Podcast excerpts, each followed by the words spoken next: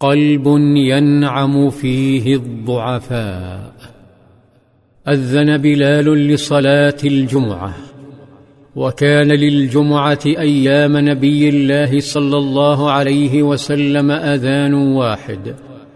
فدخل صلى الله عليه وسلم المسجد. وصعد منبره ذي الثلاث درجات.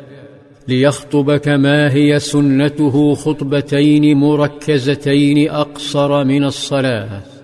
فهو القائل إن طول صلاة الرجل وقصر خطبته مئنة من فقهه. فاطيلوا الصلاة واقصروا الخطبة وإن من البيان سحرا. لكن خطبة هذه الجمعة تعرضت لفاصل مذهل. سكت صلى الله عليه وسلم فجأة فنظر الصحابة إليه فإذا هو ملتفت فالتفتوا وعيونهم مشدودة لمشهد أخاذ.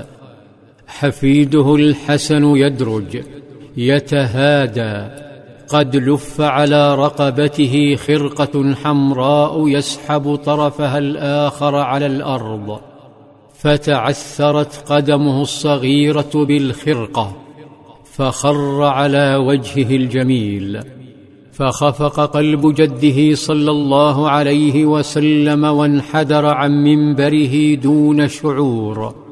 ففزع الناس للطفل يحملونه له. فضمه صلى الله عليه وسلم. ثم انتبه فإذا هو ليس على منبره فكشف عما به وقال قاتل الله الشيطان إن الولد فتنة. والله ما علمت أني نزلت عن المنبر حتى أتيت به. كانت للأطفال مرابع في قلبه صلى الله عليه وسلم ليست لغيرهم. ذات يوم زار بيت أنصاري يدعى الربيع بن سراقة فلما دخل لمح طفله ذي الخمس سنوات ولمح دلو ماء عند بئر المنزل.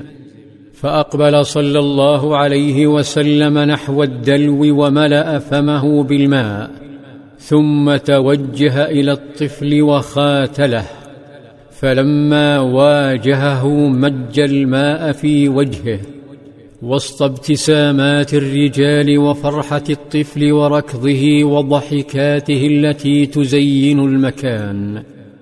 لم يكن قلبه صلى الله عليه وسلم واحة للأطفال فحسب فلأصحاب الاحتياجات الخاصة حدائق بين أضلاعه. كان صلى الله عليه وسلم بين رجال دولته وإذ بطيف امرأة في عقلها شيء تقبل من بعيد نحوهم. فتناديه من بينهم فيقبل رأس الدولة وسيد حقوق المرأة تاركا عظماء الرجال يقبل نحو مواطنة مسكينة في عقلها شيء. ولما اقترب منها قالت يا رسول الله إن لي إليك حاجة. فأخبرها أن كل الطرق تؤدي إلى قلبه وأن كل الدروب في خدمتها. قال يا أم فلان انظري أي السكك شئت حتى أقضي لك حاجتك. أخذته فأنصت صلى الله عليه وسلم باهتمام. فنحتت في مسامعه حقوقها ولم تنصرف حتى حصلت عليها ثم عاد إلى أصحابه.